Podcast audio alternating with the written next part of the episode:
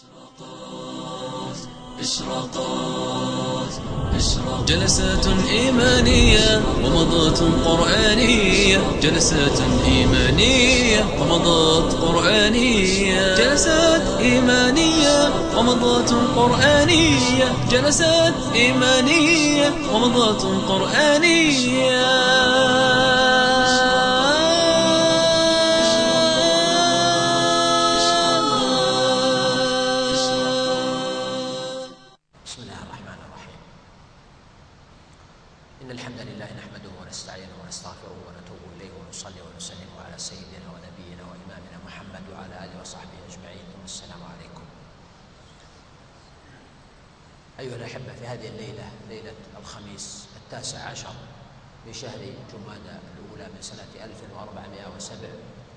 1427 للهجرة. ينعقد هذا المجلس في تفسير سورة إذا جاء نصر الله والفتح. وهذه السورة القصيرة على وجازتها فهي ثلاث آيات وهي معدودة في أكثر سور القرآن من حيث قلة الآيات. يعني معدودة في أقل سور القرآن آيات كسورة إذا جاء نصر الله وسورة والعصر. وسورة الإخلاص. ومع ذلك فقد احتوت على معاني عظيمة حتى إني يعني أخشى أن ينفلت مني أشياء كثيرة قد زورتها في نفسي وأنا أحب أن أبوح بها إليكم وأحب أن نلقي الضوء عليها استنباطا من هذه السورة الكريمة. هذه السورة لها أسماء منها سورة إذا جاء نصر الله والفتح وهكذا سميت في بعض الأحاديث. وكتب الحديث أيضاً. ومنها سورة النصر ولعله أشهر الأسماء فهو الموجود في غالب المصاحف وكتب الحديث. وذلك لذكر نصر الله فيها. ومنها الفتح نصر الله والفتح وهكذا سماها الترمذي في جامعه. ولكن هذا قد يجعل فيها اختلاطا والتباسا مع سورة أخرى وهي سورة إنا فتحنا لك فتحا. مبينا وقد سماها ابن مسعود كما ذكر صاحب الإتقان وصاحب البصائر وغيرهم سماها سورة التوديع. وذلك لأن السورة نزلت في وداع النبي صلى الله عليه وآله وسلم لأصحابه. هذه أسماء هذه السورة الكريمة. أما وقت نزولها فهي مدنية بالاتفاق بغير خلاف. و هي من أواخر ما نزل. حتى جاء عن ابن عباس رضي الله عنه أنها آخر سورة من القرآن الكريم نزلت كاملة. وقيل إنها من أواخر السور فإن سورة التوبة نزل فيها آيات كثيرة جدا بعد هذه السورة. ولكن المقصود أنها آخر سورة نزلت كاملة. وقد ورد أنها نزلت أيضا في حجة الوداع. و قال بعض أهل العلم إنها نزلت بعد فتح مكة ولذلك ذكر الله تعالى فيها الفتح جاء نصر الله والفتح. بعد فتح مكة بسنة أو بسنتين يعني فتح مكة سنة ثمان تكون السورة نزلت تسع أو سنة عشر حتى. بينما قال آخرون إنها نزلت قبل فتح مكة وفيها البشارة بالفتح. والأغلب أنها نزلت بعد فتح مكة.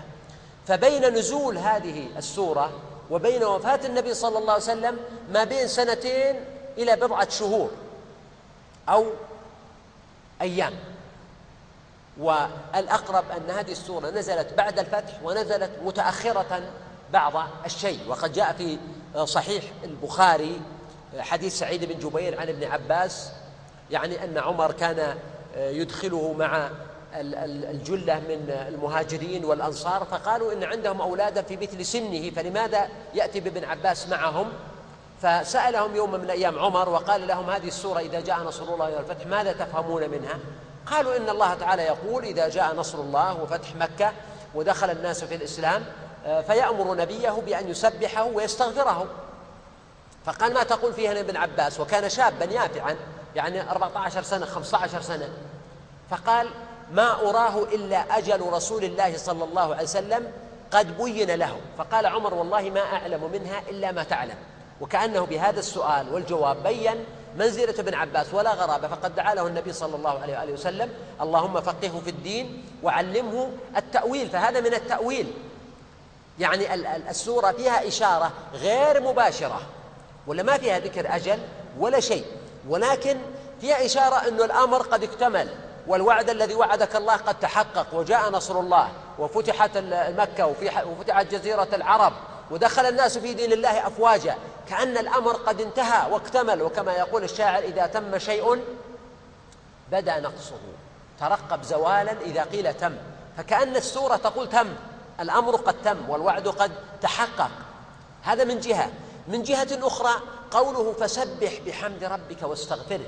هذا غالبا إنما يكون في نهايات الأشياء ولهذا أمر الإنسان أن يستغفر في نهاية الصلاة. كان إذا سلم من صلاته قال استغفر الله استغفر الله استغفر الله. وهكذا أيضا في رمي الجمرات. يعني آه، يشرع للإنسان أن يستغفر. وعند نهايات الأعمال يستغفر العبد وكأنه يستغفر عما قد يكون حصل في العمل من نقص أو خلل. وكأن الاستغفار أيضا فيه تهيئة روح ونفس الرسول صلى الله عليه وسلم للقاء ربه جل وعز.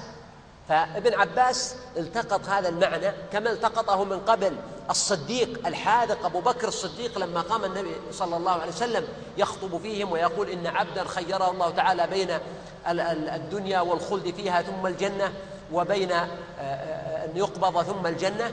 فاختار ما عند الله عز وجل فالناس فرحوا وبكى أبو بكر الصديق رضي الله عنه. فكانوا يقولون ما لهذا الشيخ يبكي؟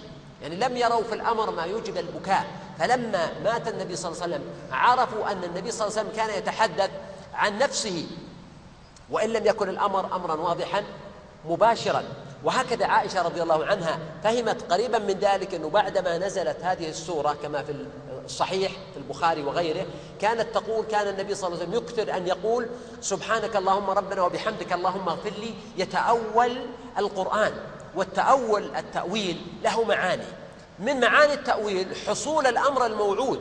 إذا قلت لكم محمد سوف يقدم علينا الآن بعد عشر دقائق. فإذا جاء محمد بعد عشر دقائق نقول هذا تأويل الخبر الذي أخبرتكم به. يعني حصول الأمر الموعود يسمى عند العرب تأويلا. ولهذا قال سبحانه هل ينظرون إلا تأويله؟ يوم يأتي تأويله يقول الذين. إذا يوم يأتي تأويله يعني يوم يجيء الوعد ويتحقق ويرونه بعيونهم. فيقول الذين نسوه من قبل. فإذا من معاني التأويل هنا يتأول القرآن أي يحقق وينفذ ويمتثل ما أمره به ربه جل وعز في القرآن الكريم. إذا هذه السورة كانت إخبارا بقرب أجل النبي عليه الصلاة والسلام. وهذه السورة فيها كما أشرت معاني عظيمة. فهي تبدأ بهذا الشرط إذا جاء وإذا أداة شرط وهي شرط في الغالب للمستقبل. يعني إذا جاء الضيف فسوف أكرمه وإذا جاء الشتاء لبس الناس لباسا إلى غير ذلك. ولكن أحيانا تكون للمضارع مثل قوله تعالى وهو على جمعهم إذا يشاء قدير فيلحقها الفعل المضارع يعني غالب ما يأتي بعدها فعل ماضي مثل هذه الصورة إذا جاء وقد يأتي بعدها أحيانا فعل مضارع إذا يشاء قدير بل قد تكون للماضي كما هو الحال في مثل هذه السورة فإن الغالب أنها آه، تحدثت عن أمر وقع وانقضى وحدث وهو مجيء نصر الله والفتح. لكن إذا دعنا نقف عند إذا. إذا ظرف يدل على أن المتعلق الذي هو نصر الله والفتح مرهون بوقت. ومرهون بظرف كما قال الله سبحانه وتعالى وما نؤخره إلا لأجل معدود. إذا في أجل معدود محدود لمقادير الأشياء.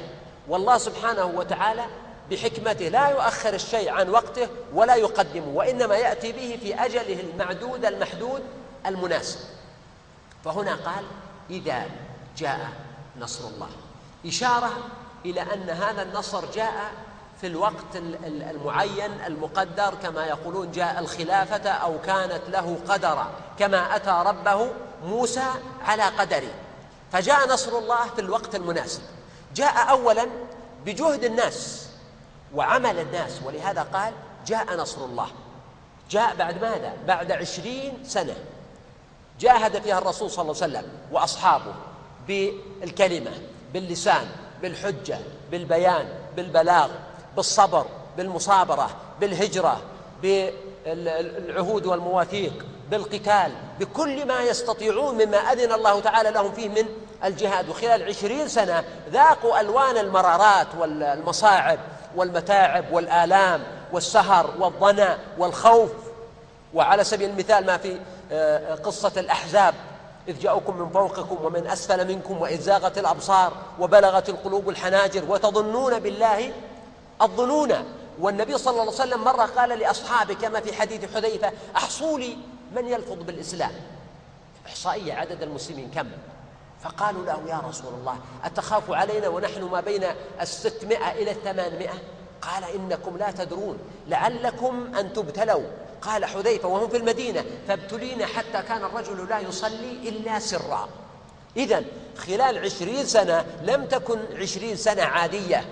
كل يوم تطلع شمسها كشمس التي بعدها والتي قبلها. لا في كل يوم كان هناك آلام ومفاجآت والكل يعرف من قتل من أصحاب محمد صلى الله عليه وسلم بمكة ومن قتل بالطريق ومن قتل بالحبش مات بالحبشة ومن قتل بالمدينة ومن أوذي ومن طرد ومن عذب ومن أكره على إظهار الكفر والرجوع عن دينه. إلى غير ذلك مما لقيه النبي صلى الله عليه وسلم وأصحابه من الابتلاء والزلزلة والمحن. عشرين سنة فيها مرارات عظيمة جدا. بعدها أتى نصر الله. إذا جاء نصر الله بعد أسباب. ونواميس وتخطيط وترتيب وإعداد وصبر.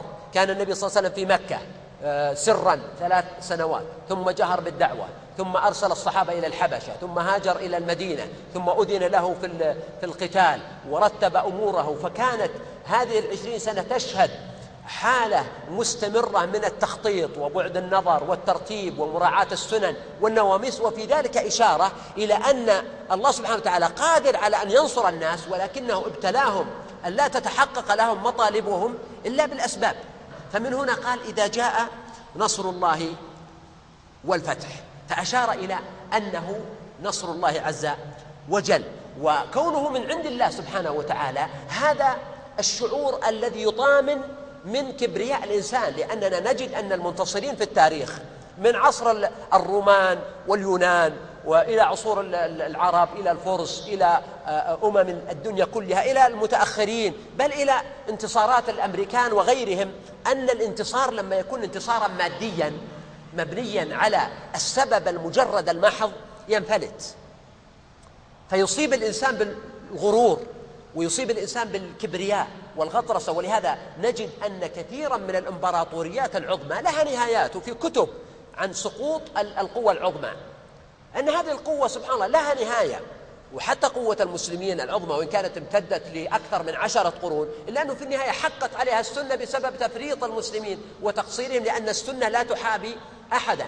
لكن النبي صلى الله عليه وسلم لأنه يدري أن النصر نصر الله. دخل مكة ما دخلها عليه الصلاة والسلام كما يدخل الفاتحون ونصب المشانق والمقاصل والمجازر والمحاكم وأعمل السيف وقال هؤلاء أعداؤك وأظفرك الله تعالى بهم وإنما دخل النبي صلى الله عليه وسلم مكة متواضعا متخشعا متضرعا مطأطئ الرأس وعلى رأسه المغفر الذي كان يلبس. والنبي صلى الله عليه وسلم أكثر ما يكون من الذل والانكسار لله عز وجل. لأنه يعلم أن النصر نصر الله وأن هذا وعد الله. إن الذي فرض عليك القرآن لرادك إلى معاد. ثم إنه صلى الله عليه وسلم أول ما فعل أنه لما دخل مكة ذهب واغتسل وصلى أربع ركعات كما في صحيح البخاري حديث أم هاني. صلى أربع ركعات. صلاة الاستغفار صلاة الشكر صلاة الفتح صلاة الضحى لله عز وجل. إذا القلب موصول بربه جل وتعالى. مرتبط به ليس له طمع دنيا ولا القضية قضية فرح بانتصار قبيلة أو جنس الجنس العربي أو شعب من الشعوب أو انتصار بني هاشم لا. أن النصر نصر الله عز وجل. هذا المعنى على سهولته إلا أنه معنى هو الذي يخفق وتقع فيه أقدام الكثيرين. أنه يلتبس عندهم أمر الدين بأمر الدنيا بأمر المصالح. والمغانم والمكاسب والجاه والمجد. فلذلك يبطئ النصر عنهم ويتأخر.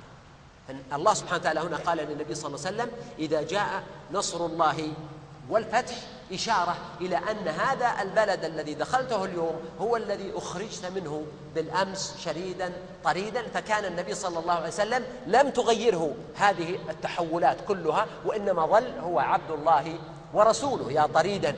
ملأ الدنيا اسمه وغدا لحنا على كل الشفاه وغدت سيرته أنشودة يتلقاها رواة عن رواه ليت شعري. هل درى من طاردوا عابد اللات وأتباع مناة؟ طاردت في الغار من بوأها سؤددا. لا يبلغ النجم مداه طاردت في البيد من شاد لها. دينه في الأرض جاها أي جاه سؤدد. عالي الذرى ما شاده قيصر يوما ولا كسرى بناه. ومحاريب بشرق الأرض أو غربها تشدو بتكبير الإله. فكان النبي صلى الله عليه وسلم يستشعر معنى كون النصر هو نصر الله عز وجل. إنها كلمة آه، سهلة إذا جاء نصر الله والفتح ولكنها عظيمة الدلالة. ثم قوله سبحانه نصر الله. فيه عبر. أولا الإشارة إلى أن النصر مفهوم عام إذا جاء نصر الله. النصر مفهوم عام يعني ليس مخصوصا على الانتصار في معركة. النصر بالثبات على المبدأ وعلى الدين. والنبي صلى الله عليه وسلم قال والله لو وضعوا الشمس في يميني والقمر في يساري على أن أترك هذا الأمر ما تركته حتى يظهره الله تعالى أو أهلك دونه. وصبر النبي صلى الله عليه وسلم أمام المغريات كلها وصابر حتى أتاه اليقين من ربه عز وجل. قد يكون النصر بثبات الإنسان على دينه حتى لو مات مقتولا كما حصل لأصحاب الأخدود. وقال الله تعالى ذلك الفوز العظيم. قد يكون النصر بإقامة الحجة والبيان والبلاغ وظهور ال... ولهذا نقول النبي صلى الله عليه وسلم كان منصورا منذ ماذا؟ منذ متى؟ كان منصورا منذ بعث منصور بالحجة منصور بالحق ولهذا أيضا الله سبحانه وتعالى قال ومن قتل مظلوما فقد جعلنا لوليه سلطانا فلا يسرف في القتل إنه كان منصورا منصورا بالحق الذي لا بد أن يظهر يوما من الأيام. إذا مفهوم النصر له معاني واسعة جدا. الشيخ ناصر العمر له كتاب اسمه حقيقة الانتصار. والله عز وجل يقول إنا لننصر رسلنا والذين آمنوا في الحياة الدنيا. فهم منصورون حتى لو لم يتبعهم أحد حتى لو قتلوا حتى لو حوربوا حتى لو أوذوا. هم منصورون لكونهم مؤمنون بالله عز وجل باقون على دينه. إذا هنا قال نصر الله فكان النصر مفهوما عاما ليس مقصورا على شيء دون شيء. أيضا هو لما يقول نصر الله إشارة إلى أن هذا النصر من عند الله فلا يبطر العبد ولا يتكبر ولا يفتخر ولا يعجب بعمله وإنما يدري أن هذا فضل من الله عز وجل. أيضا نصر الله إشارة إلى شموله لأنه إذا كان نصر العبيد أحيانا ضخما تقوم به دول وتسقط به دول فما بالك إذا كان هذا النصر منسوبا لمن؟ لله سبحانه وتعالى. ولذلك هذا النصر ليس نصرا وقتيا في الزمان ولا محدودا بالمكان وإنما هو نصر ضخم عظيم. ونحن اليوم بعد 1400 سنة نشاهد بعض آثار هذا النصر. انتصار محمد صلى الله عليه وسلم لم يكن نصرا في معركة كان نصرا في ميدان الحياة كلها. الآن ألف وثلاثمائة مليون إنسان كلهم يشهدون بماذا؟ يشهدون بانتصار محمد صلى الله عليه وسلم. الأعمال الطيبة والصالحة والخيرة التي تزخر بها الحياة اليوم هي إيذان بالنصر. وحتى البلاد التي يعني نأت عن الإسلام تجد أن فيها آثار باقية من المساجد والمدارس والمكتبات والآثار والمجموعات والجماعات والمناشط. وكم بالآستانة من معان أثارت في حناياي الشجون. معان ليس تعدلها معان تفجر في الفؤاد. هدى مبينا تزيد الكافرين أسا وغيظا إذا نظروا. وترضي المؤمنين ومن ينظر مآذنها يجدها رماحا في صدور الكافرين. ومن هنا ينبغي أن ننظر نظرة تفاؤل وإشراق. أنه النصر الذي أعطاه الله لمحمد باقي إلى اليوم. أحد المرات كنت في مكة ونظرت من النافذة في الغرفة التي فيها التي أنا فيها يمكن في الدور مثلا العاشر أو العشرين. فنظرت أولا إلى مكة ووجدت أن شعابها ووديانها تمتلئ بهذه العمائر الهائلة الفخمة المرتفعة. هذه أملاك إسلامية وبيوت إسلامية وأنشطة إسلامية يفرح بها الإنسان حتى لو لم يكن له فيها ناقة ولا جمل. ثم نظرت أسفل فوجدت أن الشارع الذي بينها كأنه وادي يجري فيه المطر والناس فيه مزدحمون ذاهبون إلى الصلاة.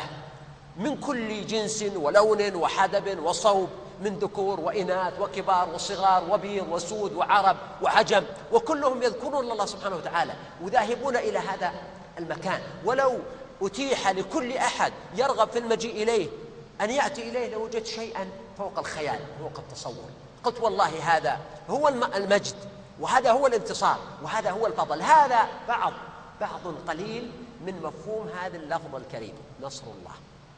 إذا نصر الله لم يكن محدودا في مكان أو زمان وإنما هو نصر طويل عريض أيضا قوله نصر الله إذا جاء نصر الله فيه إشادة بالنبي صلى الله عليه وسلم وبالصحابة الذين حصلوا على هذا النصر نصر الله شيء غالي لا يمنح للكسالى ولا يمنح للقاعدين ولا يمنح للمتمنين ولا يمنح للبطالين ولا يمنح للناس الذين يقولون بألسنتهم ما ليس في قلوبهم وإنما يمنح لمن؟ يمنح لمن يعلم الله شف من يعلم الله أنهم إن انتصروا حققوا مراد الله. لا تحكم على الحاضر. الله يحكم على الحاضر وعلى المستقبل. ولهذا في القرآن الكريم يقول ربنا سبحانه ولينصرن الله من ينصره. كثيرون يدعون أنهم ينصرون الله ويظنون أنهم غضبوا لله.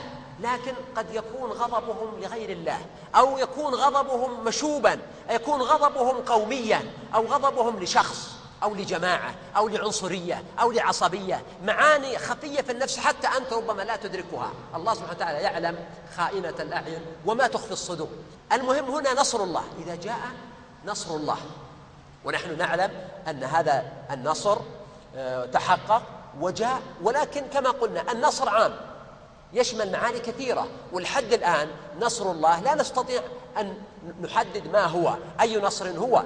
هل هو الهجرة؟ هل هو الثبات؟ هل هو الحجة؟ هل هو القرآن؟ لكن لما قال سبحانه والفتح وضع النقاط على الحروف فتبين أن المقصود هنا بالسورة نصر الله العام والفتح الخاص. والعلماء قالوا حتى قال ابن كثير هو فتح مكة بلا تردد.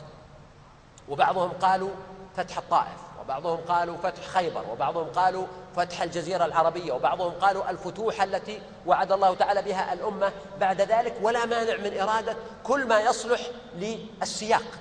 أنه داخل في الفتح وأولى ما يدخل في ذلك هو فتح مكة.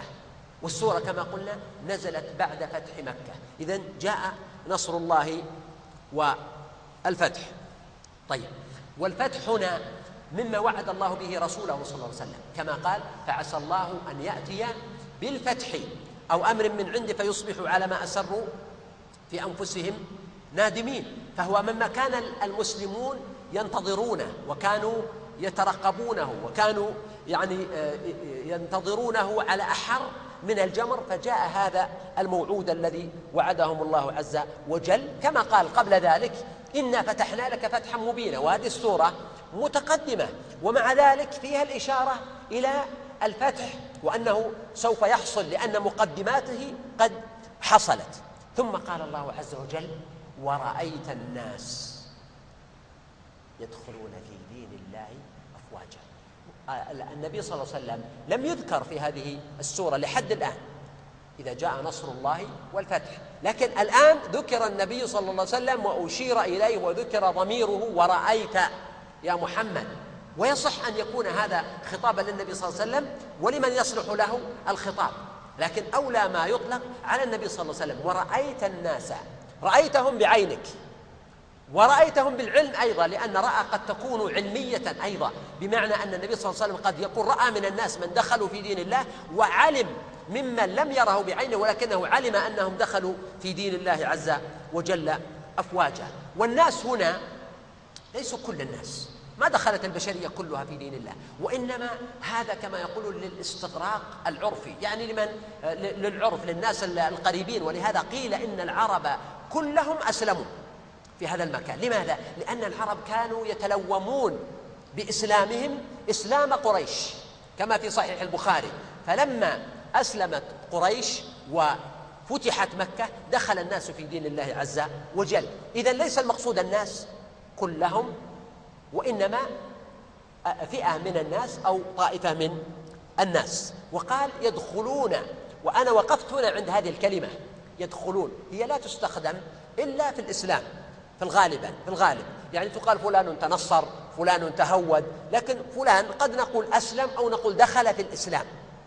فهذا فيه إشارة إلى أن الدين كأنه بيت أو مستقر أو مكان مستقل محدد المعالم يدخل فيه الإنسان. فإذا دخل فيه فكأنه دخل في الرحمة ودخل في الجنة ودخل في الأخوة الإسلامية وإذا خرج منه فكأنه حرم من ذلك. قال ورأيت الناس يدخلون في دين الله أفواجا. لاحظ أنه قال في دين الله ولم يقل في الدين وإنما قال في دين الله. فذلك في مقابل نصر الله. جاء نصر الله ورأيت الناس يدخلون في دين الله. فهذا في مقابل ذلك أيضا. زد على هذا الإشارة إلى أن كون الناس دخلوا في دين الله يعني أن الفتح والنصر لم يكن كما قلنا نصرا سلطويا أو امبراطوريا أو توسعيا بقصد المال لا. وإنما القصد منه ماذا؟ هو أن يدخل الناس في دين الله أفواجا. وقد حصل هذا. إذا ليس هناك مطالب دنيوية أو مصالح مادية وإنما هناك الدخول في دين الله عز وجل.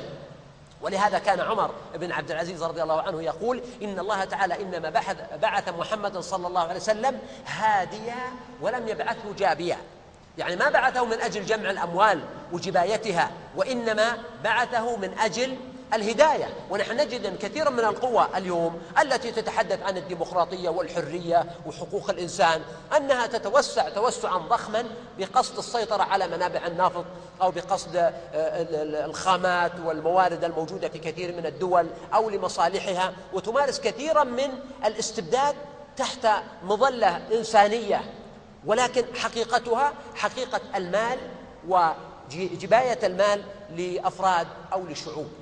بينما النبي صلى الله عليه وسلم لم يكن كذلك بل كان داعي وكان يعطي المال ولا يأخذه. كان يعطي عطاء من لا يخشى الفقر ويعطي مئة من الغنم ومئتين ومن الإبل وثلاثمائة ويعطي واديا ويعطي الذهب والفضة حتى مات صلى الله عليه وسلم ولم يكن في بيته شيء لا دينار ولا درهم ولا ذهب ولا فضة إلا آه، فراش كان ينام عليه صلى الله عليه وسلم وبعض قطع من الجلد كان أو أهب يعني جلود كانت معلقة في آه، ذلك البيت وكان صلى الله عليه وسلم يقول لا نورث ما تركناه فهو صدقة. وهكذا خلفاؤه من بعده عليهم رضوان الله. فكان الفتح الإسلامي نموذجا راقيا لهذا المقصد الذي يكون مقصده هداية الناس ورفع الظلم عنهم. نعم لم يكن مقصود الفتح إكراه الناس على الدخول في الدين. لا ولهذا الله تعالى يقول لا إكراه في الدين وإنما كان المقصود إزالة العوائق التي كانت تحول بين الناس وبين الدخول في الدين وإزالة الأنظمة الظالمة الباغية التي كانت تستبد وتظلم الناس. أتيت والناس فوضى لا تمر بهم إلا على صنم. قد هام في صنم فعاهل الفرس يطغى في يطغى في رعيته وعاهل الروم من كبر أصم عمي. فكان هناك طغيان واستبداد وظلم وكان الحاكم يملك منع الناس من الدخول في الدين. وحرمانهم. ولهذا النبي صلى الله عليه وسلم لما أرسل لكسرى قال له ماذا؟ أسلم. تسلم. يؤتك الله أجرك مرتين. وإن توليت فإن عليك إثم الأريسيين. لأنه كان يمنعهم من الدخول في الدين ويحول بينهم وبينه زد على ذلك أن العالم آنذاك كان عالما فوضويا. لم يكن فيه أي عقد أو اتفاق أو هدنة أو صلح حقيقي وإنما كان هناك ظلم واستبداد والمسلمون في المدينة كانوا ينتظرون أن تتم الغارة عليهم من أعدائهم من جيرانهم وفي المساء أو في الصباح وكانوا يتوقعون من المنذر المناذرة أو الغساسنة أو غيرهم عدوانا. فكانت الأمور فوضوية ومفلوتة فلما وجد الإسلام ووجدت القوة زالت كثير من المعوقات والعقبات ودخل الناس في دين الله أفواجا لا بالإكراه ولكن بالاختيار والرضا. فلهذا قال في دين الله ولو قال في الدين لكان يمكن أن يظن أن المقصود في الدين الطاعة. وهذا يعرف عند العرب أنك تقول في دين فلان يعني في طاعته ما كان ليأخذ أخاه في دين الملك. يعني قيل إن معناه في طاعة الملك أو في نظام ذلك الملك. فالدين من معانيه الطاعة. لكن هنا لما قال في دين الله عرف أن المقصود أنهم يدخلون في الإسلام. أيضا عرف أن الدعوة هنا لله ليست لشخص. وهذا من أعظم المعاني التي كان النبي صلى الله عليه وسلم يتمثلها. يعني لم يكن يرى لنفسه شيئا عليه الصلاة والسلام ولما ارتعد رجل أمامه قال هون عليك فإنما أنا ابن امرأة كانت تأكل القديد. وأيضا النبي صلى الله عليه وسلم يعني من لما آه، وقع الكسوف وقال بعض الصحابة إن الكسوف وقع بسبب موت إبراهيم ابن محمد صلى الله عليه وسلم. هل قال يعني سكت عن هذه وقال مشيها مثلا هذا فيه ثناء وفيه إطراء وفيه نوع من رفع المقام؟ لا. قام على المنبر وقال إن الشمس والقمر آيتان من آيات الله يخوف الله بهما عباده ولا تنكسفان لموت أحد ولا لحياته. ونهاهم صلى الله عليه وسلم حتى عن إطرائه يعني المبالغة في مدحه قال لا تطروني كما أطرت النصارى بن مريم إنما أنا عبد فقولوا عبد الله ورسوله ومات كما ذكرنا. المهم هذا من معاني آه، قوله آه، ورأيت الناس يدخلون في دين الله أفواجا. قال الله عز وجل يدخلون في دين الله أفواجا. والأفواج جمع فوج يعني مجموعة بعد مجموعة وهذه مجموعة تكثر ومجموعة تقل. هذا أولا سببه دخولهم في الدين أفواجا.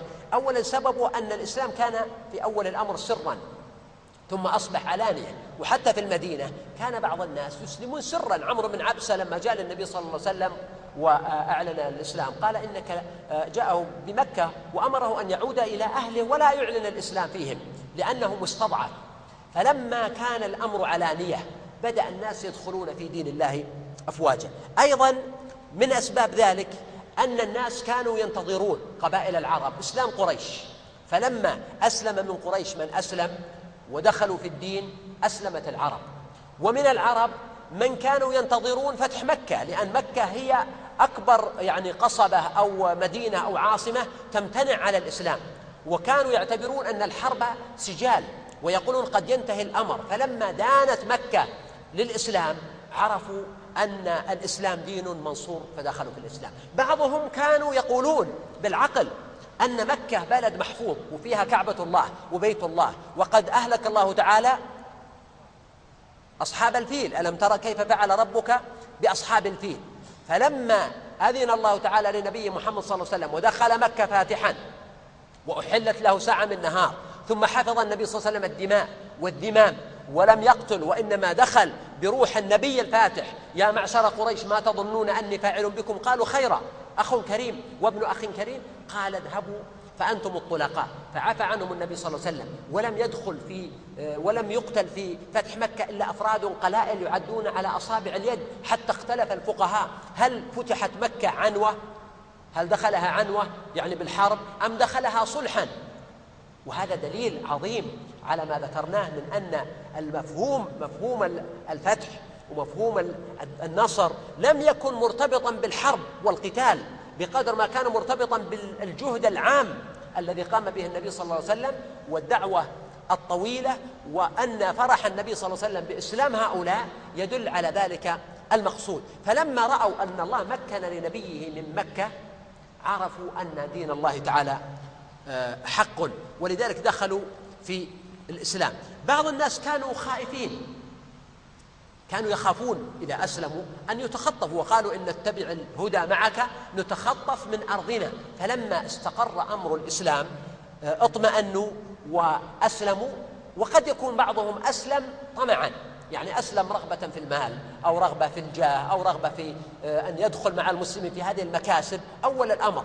ثم بعد ذلك أعجبه الإسلام وزالت العوائق النفسية التي كانت تحول بينه وبينه وقد نقل عن صفوان أنه كان يقول يعطيني النبي صلى الله عليه وسلم وهو أبغض الناس إلي فما زال يعطيني حتى إنه أحب الناس إلي. وهكذا أبو سفيان وغيرهم قد تكون بداية إسلامهم ضعيفة أو لحماية دمائهم أو لغير ذلك. ثم بعد ذلك يلينون للإسلام وتلين له وتدعن له قلوبهم. أيضا في مسألة الفرح. يعني الله سبحانه وتعالى لم يمتن على النبي صلى الله عليه وسلم بدخول الناس في دين الله. في معنى الفرح بدخول هؤلاء الناس في الدين. وكما قلت هؤلاء الناس كانوا أعداء أمس. ينافسونك في العداوة والحرب. واليوم ينافسونك في الدخول في الدين. ما تأتي وتقول والله يعني لا نريدهم. نريد أن يظل نحن الذين لنا الفضل ولنا السابقة ولنا المزية. إذا دخل الناس معنا إيش يفرقنا عنهم؟ ليس مطلوبا أن تتميز أو يكون لك فرق عنهم. المهم أن تكونوا في الدين وإن شاء الله يسبقون يصبحون أفضل منك ويؤمونك في الصلاة ويعلمونك. ليس في ذلك حرج. فذلك فضل الله يؤتيه من يشاء. وهذا معنى عظيم لا يستطيعه إلا من يملك قدرة كبيرة على التجرد من كل هذه المعاني. أيضا قول آه، آه، آه، الإشارة إلى أن كثيرا من هؤلاء الناس دخلوا بل كلهم دخلوا بغير قتال دخلوا بغير قتال وإنما دخلوا بالدعوة أو بالحجة أو بالاستمرار والمداومة. ونحن نعرف مثلا أن إندونيسيا وهي وما حولها وهي بلد إسلامي أكبر تجمع إسلامي في أكثر من يمكن 180 مليون إنسان أو قريب من ذلك دخلوا عن طريق الدعوة إلى الله من خلال التجار الذين ذهبوا للتجارة ظاهرا وقصدهم مع التجارة الدعوة. ونعرف أنه في الهند كما حدثني أحد الثقات يقول لما كان الهند يحكم بالإسلام كان الناس لا يدخلون في الدين وعدد المسلمين لا يزيد أبدا. لماذا؟ لأن الأخطاء التي كانت ترتكبها الحكومات كانت تنسب إلى الإسلام فكانت تصد الناس عن الدين ويستغلها كثير من الناس أنه هذا هو الإسلام من عدوان أو ظلم أو عدم عدل أو ما أشبه ذلك. فلما زالت الحكومات الإسلامية ورجع الأمور بما في ذلك طبعا عهود الاستعمار الإنجليزي أصبح يدخل في الإسلام يعني عشرات الملايين من الناس كل عام. زال ربط الأخطاء بالإسلام وبدأ الناس يدعون إلى الله عز وجل فيستسلمون ويستجيبون. أيضا قضية يعني الاستقرار وأنها من أسباب القبول. يعني نحن نقول أنه الغالب أن استقرار الناس أمنيا من أسباب انتشار الدعوة. فالبيئات الآمنة هي البيئات التي تغدق على الدعوة والتي تورق وتثمر فيها أشجار الدعوة. بينما إذا كان الناس في حالة خوف وذعر وحرب وقتل وقتال ولهذا بعد فتح مكة دخل بعد صلح الحديبية دخل في الإسلام أضعاف أضعاف من دخلوا فيه قبل ذلك. الإنسان لما يكون مشغول بخوف خايف على نفسه أو على ولده. ليس عنده وقت أن تخاطبه أو تخاطب عقله. وهكذا لما يكون جائع أو عطشان أو مشغول يعني لما تأتي إنسان ليلة الزواج مثلا وتمسكه وهو لابس البشت وذاهب للدخول تقول يا فلان عندي سؤال وتبدأ تذكر له قصة مشكلة وقعت لك وتريد منه أن يشير عليك بهذا مثلا. أو كما حدثني أحد الأخوة يقول مرة بنشرت عليه السيارة وكان شايل العجلة بيده. وجاء أحد الشباب يوقف والعجلة بيده يقول يا فلان عندي سؤال تكفى أنا تخرجت من الثانوي ترى أني أروح لكلية الشريعة ولا كلية الطب ولا كذا. حتى على الأقل ما قالوا يعني خلني أحمل عنك هذه أو ينزلها. يناقشه يعني لما يكون الإنسان مشغولا بشيء لا يكون عقله مؤهلا ولا نفسه حتى مؤهل لأن يأخذ ويعطي ويتجاوب. ولذلك إذا استقرت الأمور كانت هذه هي البيئة المناسبة. أنا أرى أن بعض بلاد الإسلام الآن يعني مثل هذا البلد الطيب السعودية وكثير من دول الخليج وبعض بلاد الشام مصر إن في حالة استقرار نوعا ما. فرصة كبيرة للدعوة. الناس في خير. عندهم أموال وعندهم إمكانيات وعندهم أولاد وعندهم أزواج. عقولهم مستقرة. فرصة التأثير عليهم كبيرة إذا وجد الدعاة الصادقون المخلصون. لكن لما يكون الناس في بلد آخر كما تجد في العراق مثلا أو في أي ظرف من الظروف الناس في حي صبيص الكهرباء الماء التوقف الخوف كل يوم مقتول أحد.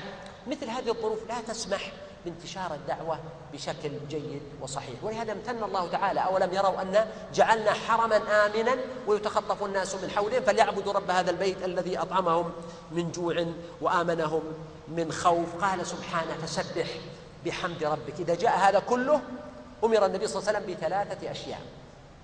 ف هذا للتعقيب مباشرة. فسبح. أمر الله تعالى بالتسبيح.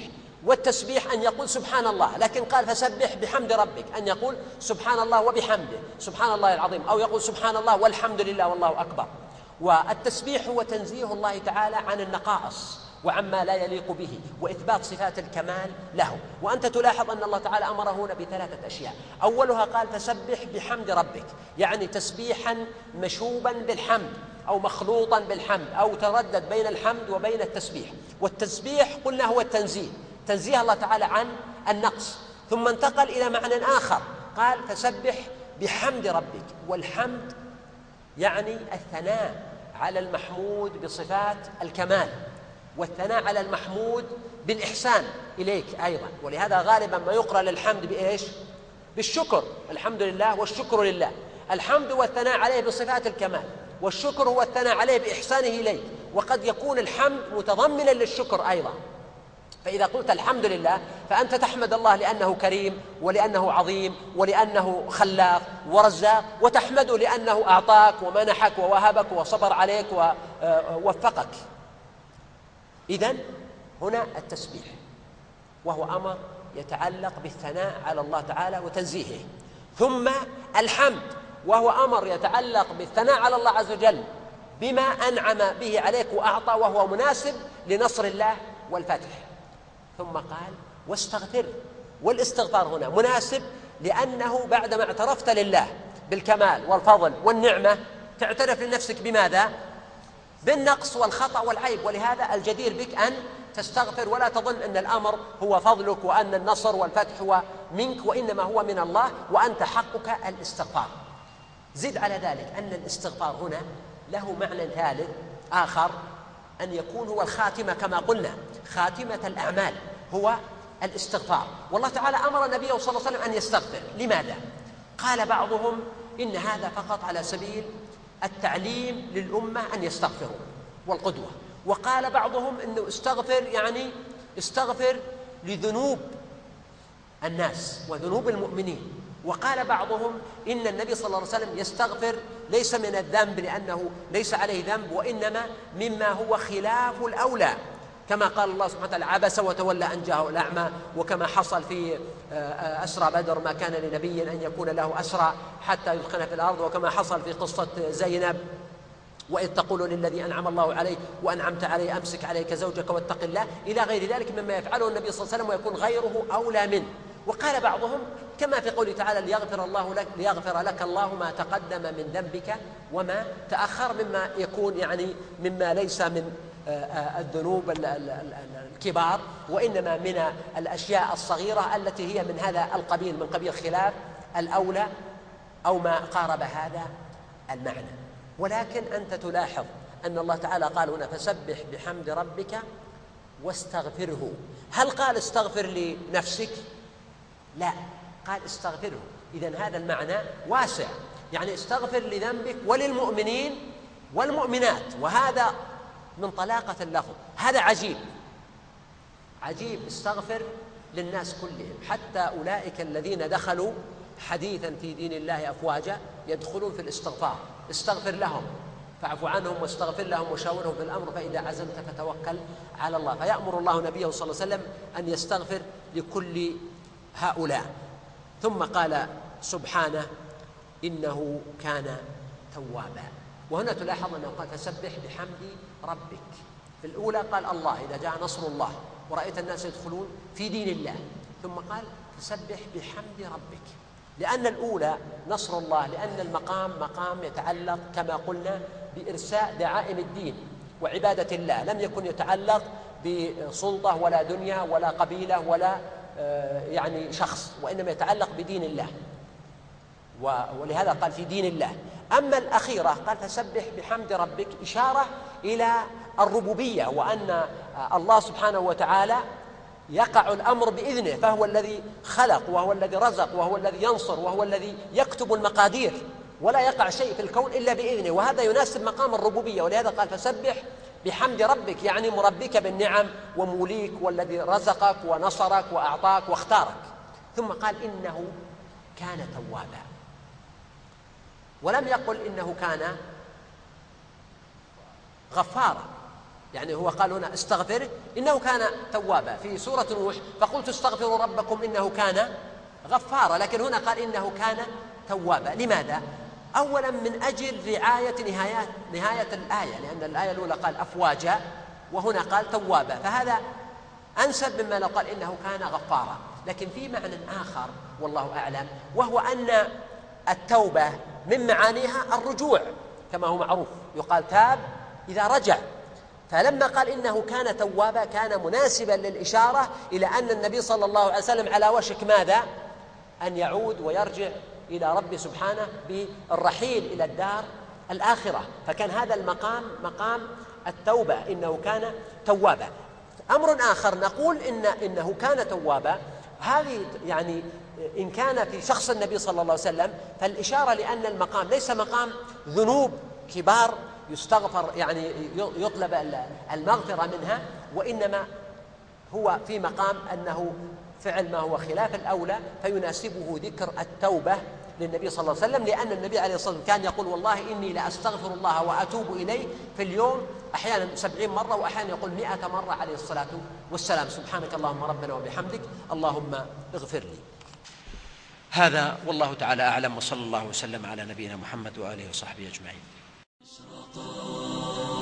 إشراقات جلسات إيمانية ومضات قرآنية. جلسات إيمانية ومضات قرآنية. جلسات إيمانية ومضات قرآنية. جلسات إيمانية ومضات قرآنية.